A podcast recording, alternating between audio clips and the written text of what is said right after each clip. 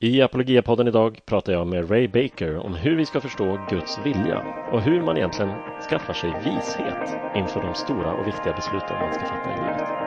Nu kör vi!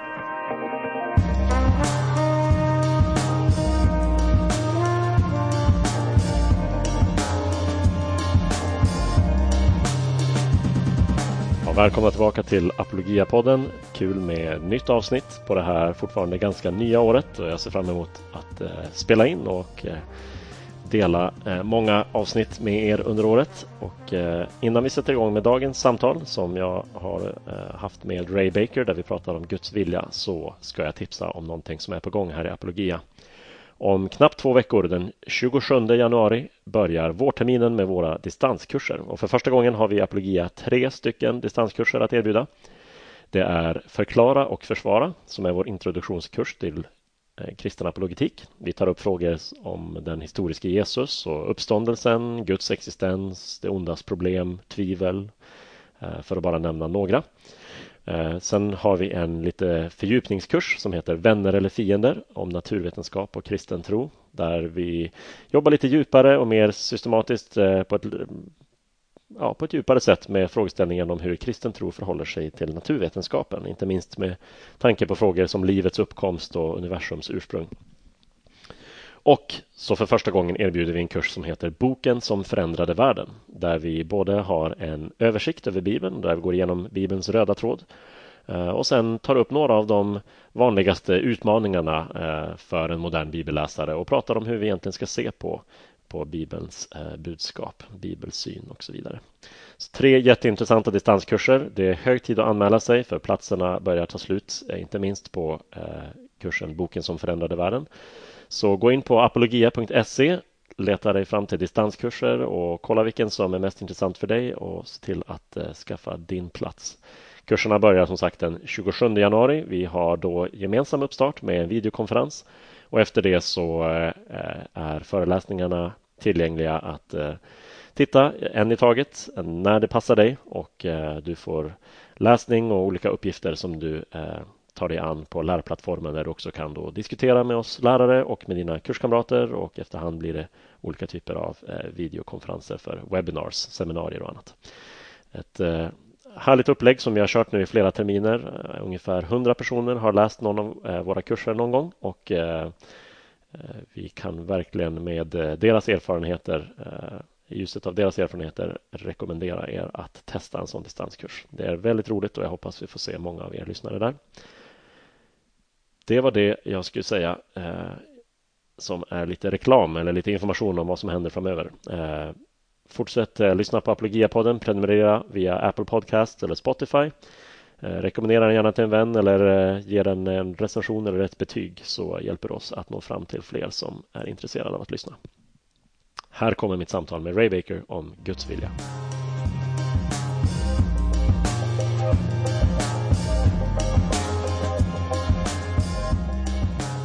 År och ett nytt decennium och eh, faktiskt också en ny gäst. Eh, hej Ray! Men hej!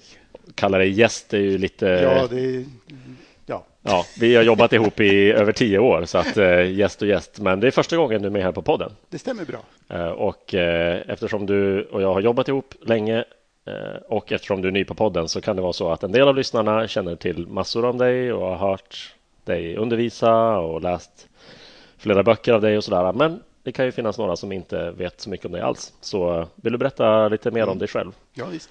Eh, jo, eh, jag är född och uppvuxen i USA eh, och flyttade ut till Europa för ja, cirka 35 år sedan.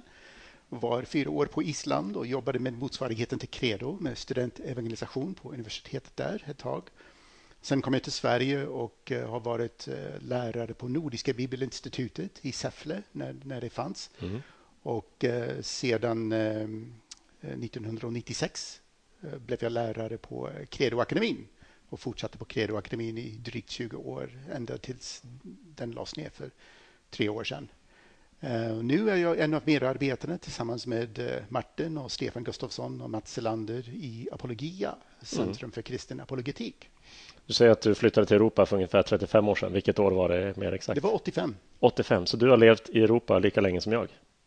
Ja. För det är 35 år sedan jag föddes. Eh, då har jag å andra sidan bott två år i ditt eh, gamla hemland ja, så att du har levt i Europa längre än jag har hört, eh, får man säga. Hur, du är ju väldigt svensk vid det här laget, inte bara i, hur, i liksom, dialekt och så vidare. Men hur, hur märks det fortfarande i era liv att ni är amerikaner? Eller märks det ja, mycket alltså, alls?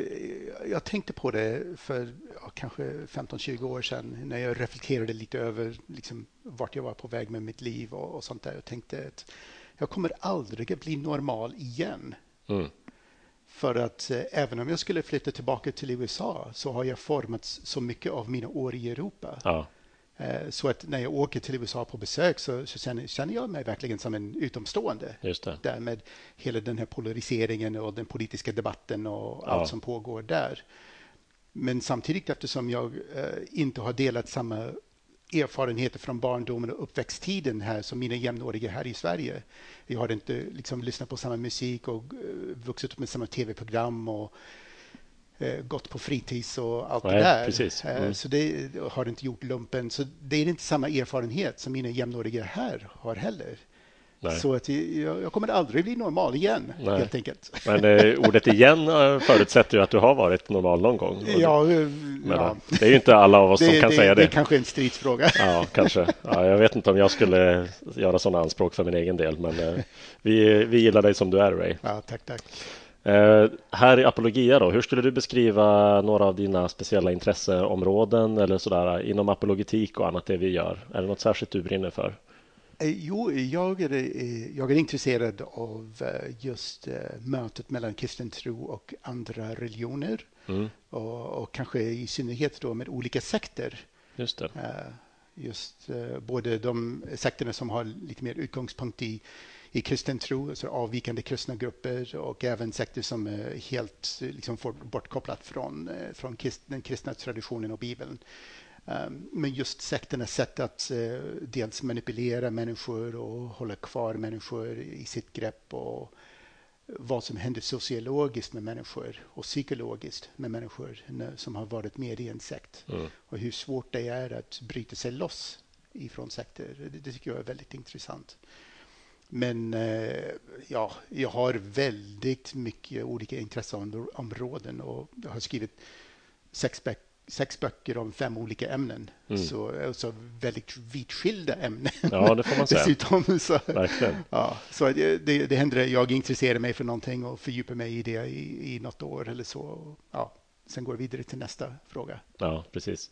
Ett av dina intressen eh, är ju film och de ja. som har studerat på Credoakademin genom åren, eh, inklusive mig själv, då, har ju eh, utsatts för Credo-bio. Där vi ja, har kollat precis. På... Alla filmer som alla älskar att hata. Ja, mm. eller älskar att älska. Jag står ju på din sida när det gäller några av de mer kontroversiella ja. inslagen i den där filmserien. Mm. Men um, har du någon favorit från 2019? Antingen som gjordes eller som du såg under året? Som ja, 2019. Inte att det var någon eh, särskilt djup film eller så. Men eh, jag tyckte det var bara en, en ganska mysig feel good film var uh, Together nej, nej det? Inte Together. Yesterday. Yesterday. Mm. Yesterday. Uh, om en kille som efter en katastrof växer upp i en värld där ingen någonsin överhuvudtaget har hört talas om The Beatles. Just det. Så, jag har inte sett den, jag har talat om den. Den är mycket rolig och ja. Ja, mysig. Ja, mm. trevligt. Det får vara ett filmtips till mig och eh, ni som lyssnar. Men eh, vi är inte här för att prata bara om dig och inte för att prata om film heller, även om det vore faktiskt väldigt kul. Det kanske vi ska göra något avsnitt framöver. Mm. Eh, men eh, vi ska prata lite mer om eh, Guds vilja tänkte jag som är lite huvudämne för vårt avsnitt idag. Och det är ju Ja, jag kan förklara varför vi gör det. Vi tar en, en paus strax tillbaka och så sätter vi tänderna i, i det här som blir ämnet för idag. Ämnet för idag som jag tänkte vi skulle prata om är alltså Guds vilja. Och eh, skälet till det är egentligen två kan man säga. Det är, du har skrivit en bok ja. som heter eh, Det där med Guds vilja. Mm, stämmer. Som utgörs av eh, brev till din son eh, David, eller David. Ja, det var 15 brev som jag skrev till honom när han tog studenten för nästan tre år sedan. Mm. Och jag tyckte boken har varit ute ett par år och sådär, men även om den är aktuell för människor i olika tillfällen så nu med ett nytt år och nytt decennium dessutom så är det många som tänker både i backspegeln, vad har hänt under året och åren som har gått och, många som står inför vägval framöver. Eh, personligen så ska vi snart välja skola för ett av våra barn. Eh, lite längre fram är det många som står inför gymnasievalet kanske mm. eller har barn som gör det. Och så är det ansökning till högskolan eh, där i april och en massa sådana här stora beslut som, eh, som många kan stå inför. Eh, och andra kanske bara tänker vad, vad ska jag liksom ägna mig åt det året som har börjat här nu? Vilka nyårslöften eller målsättningar ska jag ha? Ja, men det, det var ungefär som jag skrev i inledningen till boken. Att eh, när man tar studenten inom loppet av de närmaste tio åren så kommer man att fatta i stort sett alla sitt livs största beslut. Ja. Alltså otroligt vad man ska plugga och var och vad, vad man ska jobba med. Relationer, om man ska satsa på olika relationer och mm. om man ska gifta sig, skaffa barn, om man ska köpa den här lägenheten eller det här radhuset eller ja, otroligt många stora beslut. Väldigt och, intensiva år där. Och vi, vi får väldigt lite vägledning mm. i, i hur vi fattar kloka beslut. Uh, och om man är kristen så finns ytterligare en dimension där. Att man gärna vill göra Guds vilja mm. mitt i allt det här. Mm. Men hur vet vi vad det är? Ja. Hur det ser ut? Ja, precis. Alltså, när, ofta när man eh, när vi pratar om Guds vilja i kyrkan och om man ska tänka lite så här kristen jargong så, så pratar vi ofta om Guds vilja i, i våra egna vardagliga beslut eller, eller kanske inte så mycket de vardagliga som de här lite större formen som liksom väljer en livsinriktning. Men en av de första sakerna du gör när du undervisar om det här ämnet eller skriver om det är ju liksom bredda diskussionen och prata lite om, du har lite olika kategorier för vad vi kan mena med Guds vilja, eller hur? Ja, precis. Eh, och egentligen var det inte jag som hittade på de här kategorierna, men eh, alltså, på ett sätt så kan man prata om Guds suveräna vilja. Och det är i stort sett allt som sker i världen. Alltså både det goda och det onda. Mm. Allt som Gud i sin suveränitet tillåter hända. Det är kanske något vi ofta säger om att det var, det var Guds vilja att det skulle bli på det här sättet. Alltså när vi tittar på saker i backspegeln. Så. Ja, det, det, kan man säga. Ja. ja. precis. Och så även onda saker som händer. Eh, alltså Gud av någon anledning som inte alltid är tydligt för oss som människor. Mm. Eh, låter en, en ond människa göra en annan människa illa till Just exempel. Mm. Eh, vi, vi förstår inte varför. Men på något sätt så, så sker det med Guds tillstånd, till Guds tillåtelse. Eh, så därför måste det ingå i Guds suveräna vilja. Och, och det, det, finns inga förväntningar på att en troende människa ska kunna hitta eller upptäcka Guds suveräna vilja. Det kommer att ske oavsett. Mm. Eh, så, så att eh, just Guds suveräna vilja blir inte så jätterelevant för oss när vi tänker på ja, hur ska jag fatta beslut, vad ska jag plugga, var ska jag bo och Nej, så. precis eftersom Gud ändå ser vi släpper igenom ja. många dåliga beslut runt omkring oss. Så är så, det. Så mm. är det. Vad, vad, vilka andra kategorier? Och sen eh, finns det Guds moraliska vilja. Mm. Och det är det som eh, Gud uppenbarar lite tydligare i Bibeln. Och för att vi förstår att i Bibeln finns det väldigt många olika regler för, för det som man ska göra och det som man inte ska göra. Men Eh, jag skulle kanske själv eh, föredra att betona vilken karaktär Gud vill att vi ska utveckla som ja. troende människor och inte så mycket liksom regler som man kan bara bocka av och det har jag klarat av och, och ja, nu är det klart. Nej, kristen etik eh, går ju mycket mer till hjärtat. Ja, precis. Och så det är mycket mer hjärtats inställning mm. än, än bara att ja, schablonmässigt följa reglerna eller uppfylla lagens krav, mm. så att säga. Eh, och Det är det som oftast eh, menas då med Guds vilja när vi läser i synnerhet i Nya Testamentet.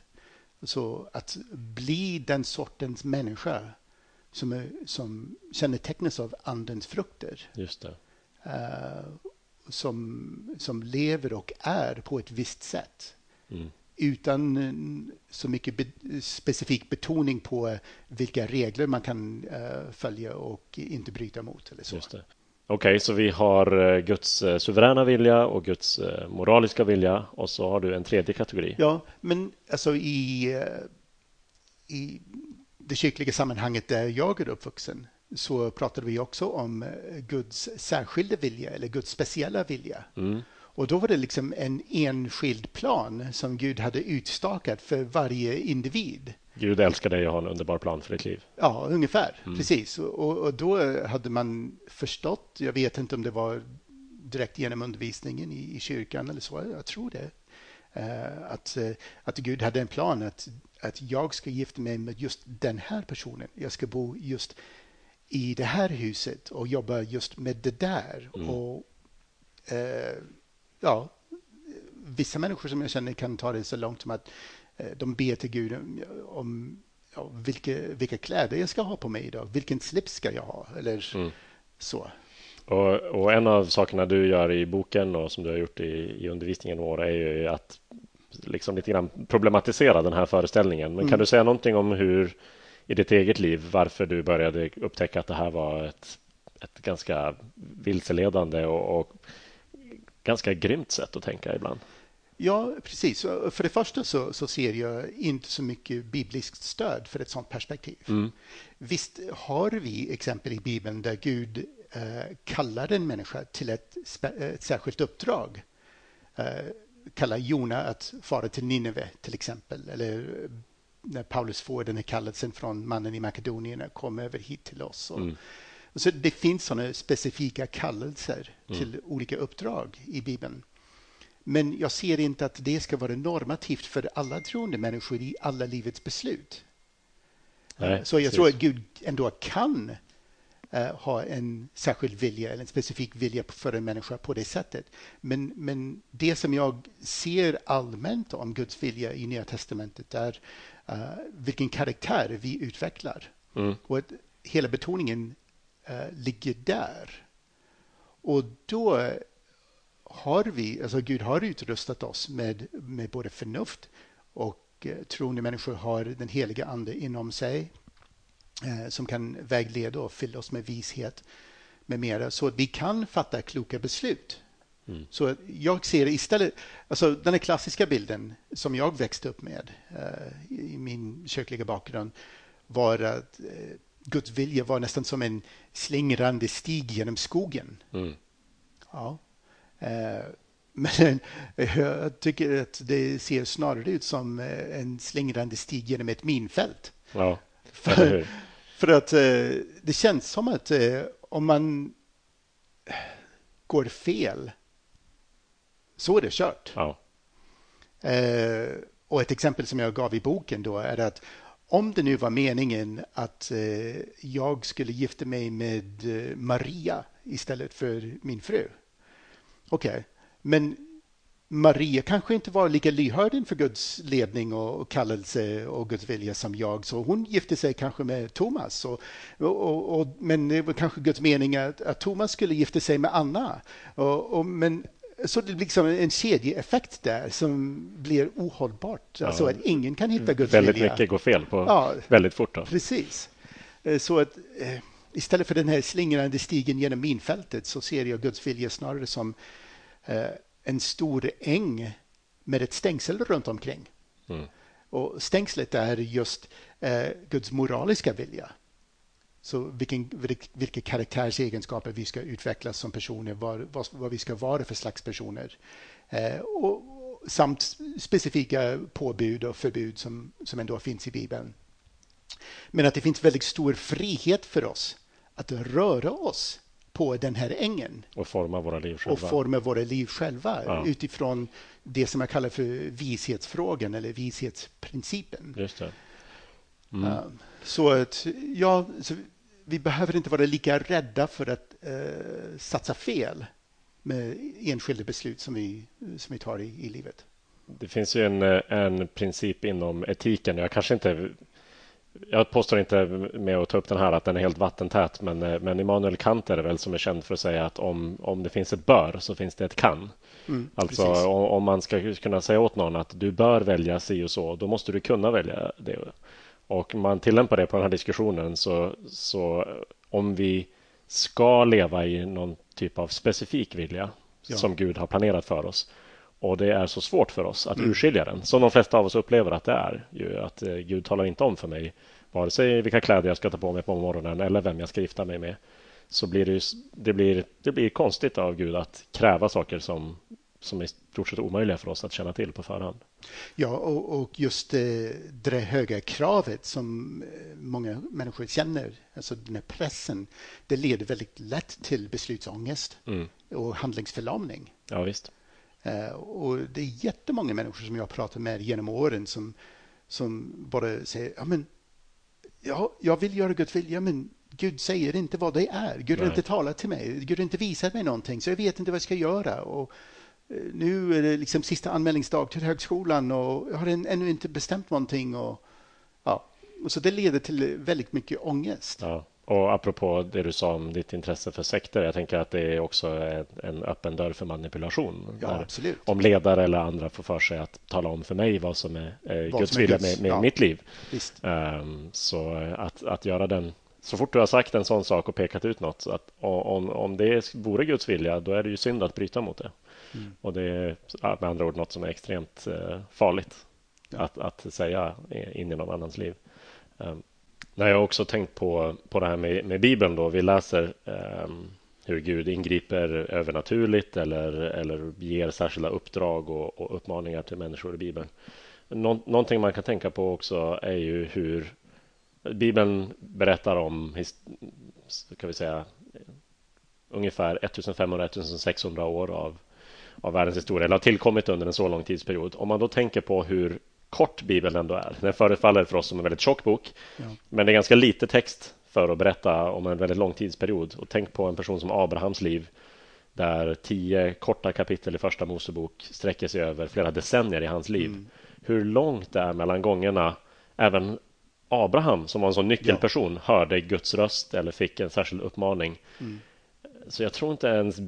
Alltså det är så lätt att eh, i, i, vissa kristna miljöer göra det till normen för hur ett kristet liv ser ut. Men inte ens i dessa bibliska personers liv var det normen. Nej, så ett exempel som jag brukar ta då är just Paulus och missionsresorna. Ja, just det. Mm. Eh, för där ser vi att eh, ja, men han fick en, en specifik kallelse att fara över till, till Grekland, till Makedonien. Ja.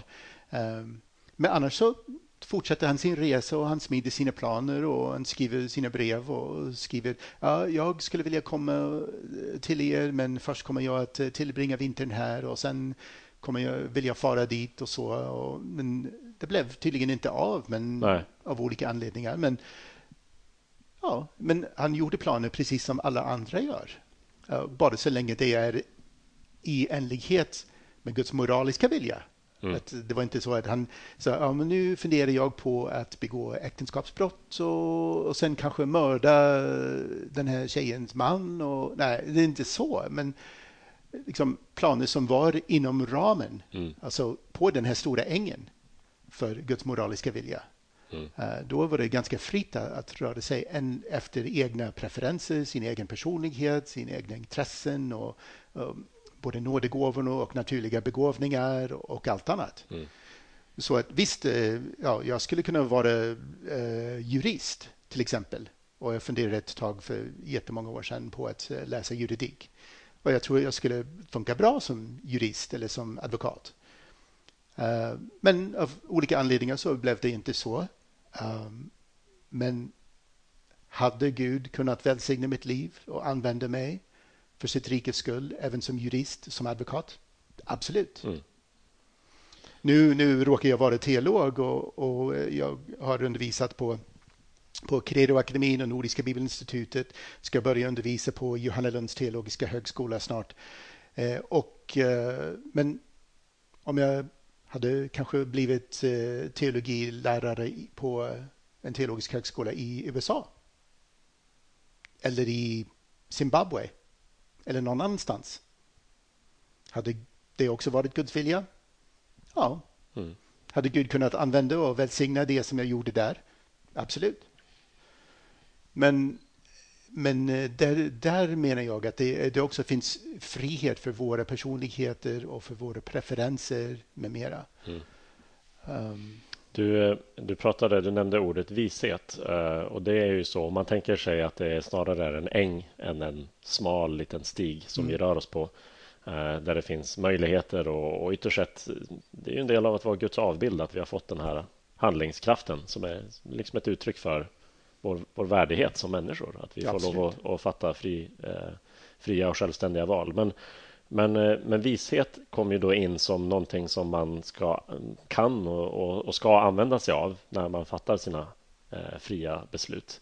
Eh, vill du säga någonting om vishet? Vad, vad är det? Hur, hur eh, skaff, ja, skaffar man sig det? Ja, hur vet man vad, vad som är vist? Ja, precis. Eh, men det finns, finns flera sätt. Alltså, och Det blir som en del av det att odla de här karaktärsegenskaperna som, som Gud ändå vill att vi ska odla eh, som en del av den här moraliska viljan. Ja. Eh, att vi fördjupar oss då i bibeltexten och i bön och, och i gemens, eh, församlingsgemenskap med mera med andra. Att vi lever i den här gemen, kristna gemenskapen både med andra personer och med Gud själv. Mm. Och låter Gud tala till oss och, och forma oss. Men även att vi, vi, vi uh, pratar med kanske lite mer erfarna, äldre, mogna kristna människor som vi kanske har som förebilder.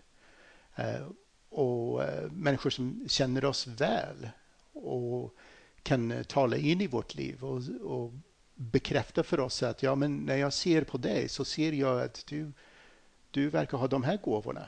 Mm. har du funderat någonting på det här? att använda dessa gåvor på det här sättet.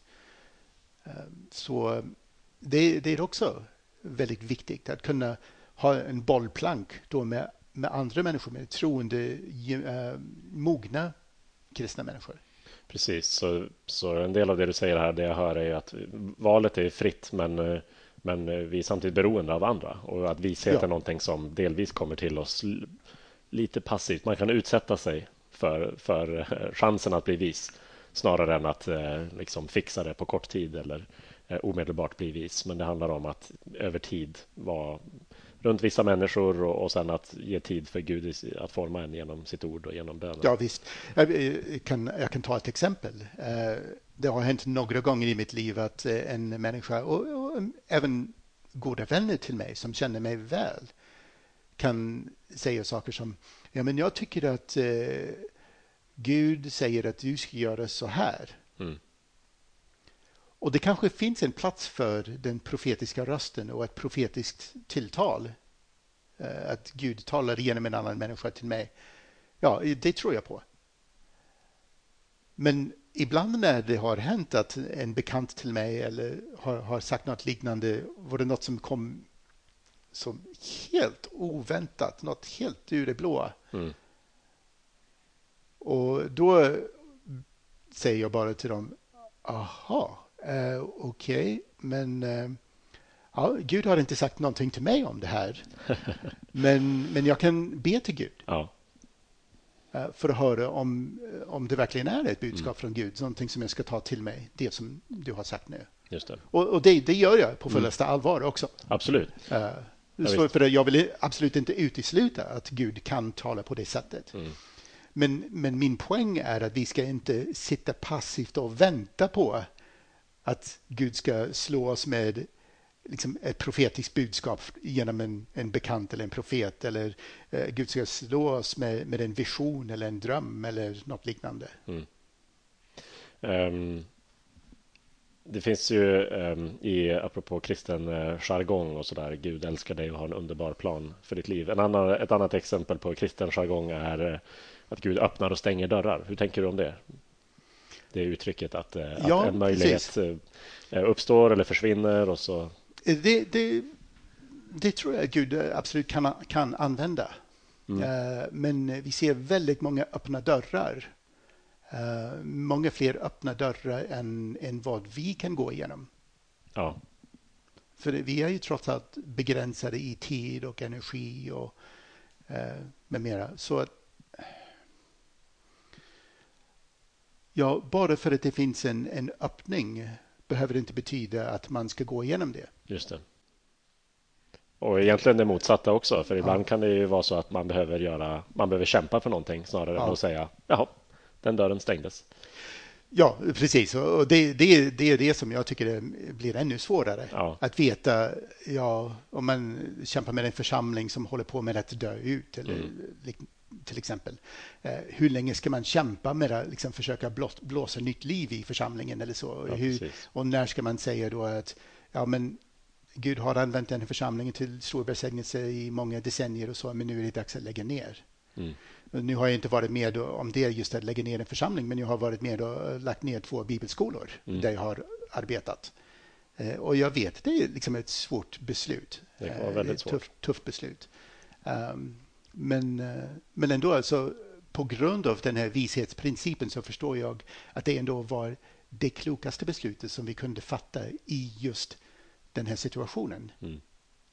Så det är en del av vishet även där. Att kunna, kunna avgöra, är det här någonting som Gud öppnar eller stänger åt mig? Mm. Eller är det, är det bara ett hinder på vägen som jag måste ja. bryta igenom på något sätt? Ja.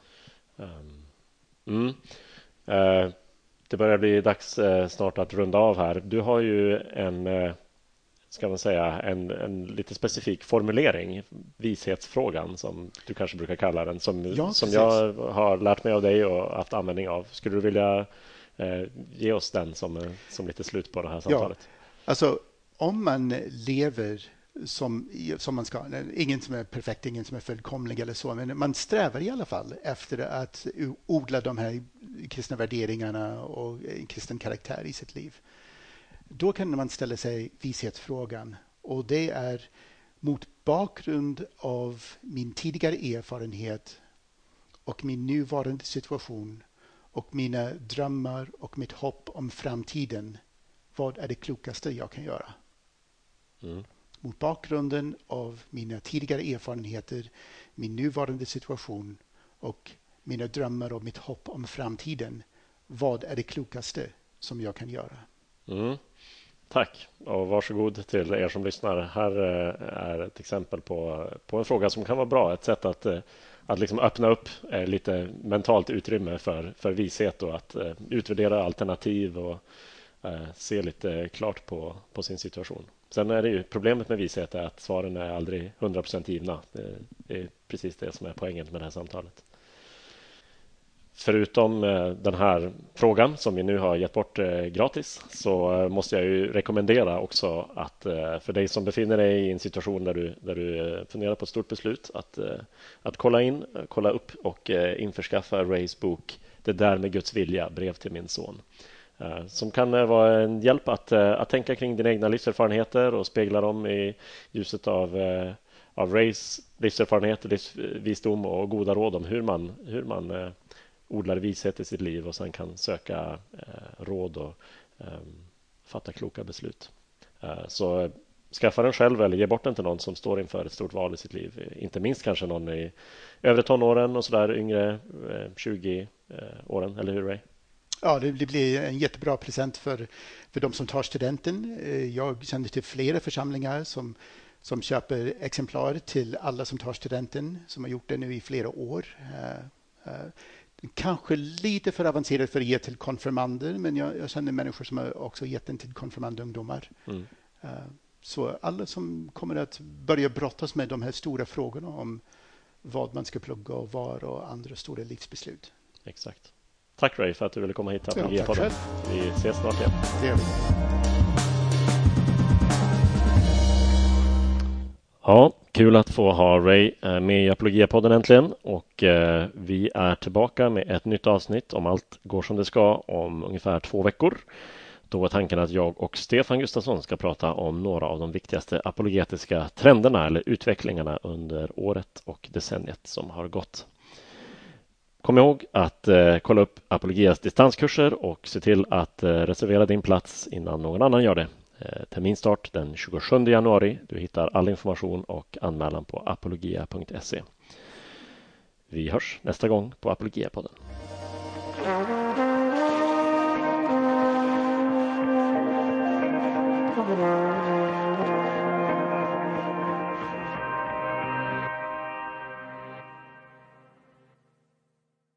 Tack för att du har lyssnat på Apologia-podden. Apologia är helt beroende av gåvor. Stöd oss! Gå in på apologia.se, klicka på Engagera dig så hittar du swishnummer och bankgiro. Tack för att du hjälper oss!